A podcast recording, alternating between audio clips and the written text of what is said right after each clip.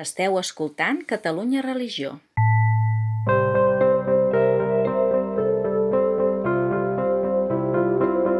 La recomanació d'aquesta setmana arriba de la mà de l'educadora Anabel Carbonell. Ens presenta 31 relats que, diu, fan tocar de peus a terra. Porta per títol Els invisibles i ens acosta a la realitat de la immigració a Catalunya. És un llibre d'edicions 62. El llibre que us vull presentar es titula Els invisibles, d'edicions 62, autors varis.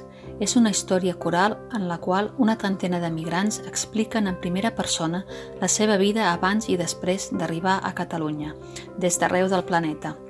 Ens expliquen per què van marxar, com van arribar, com van ser rebuts, les seves angoixes, les seves esperances, les seves il·lusions i quin futur albiren.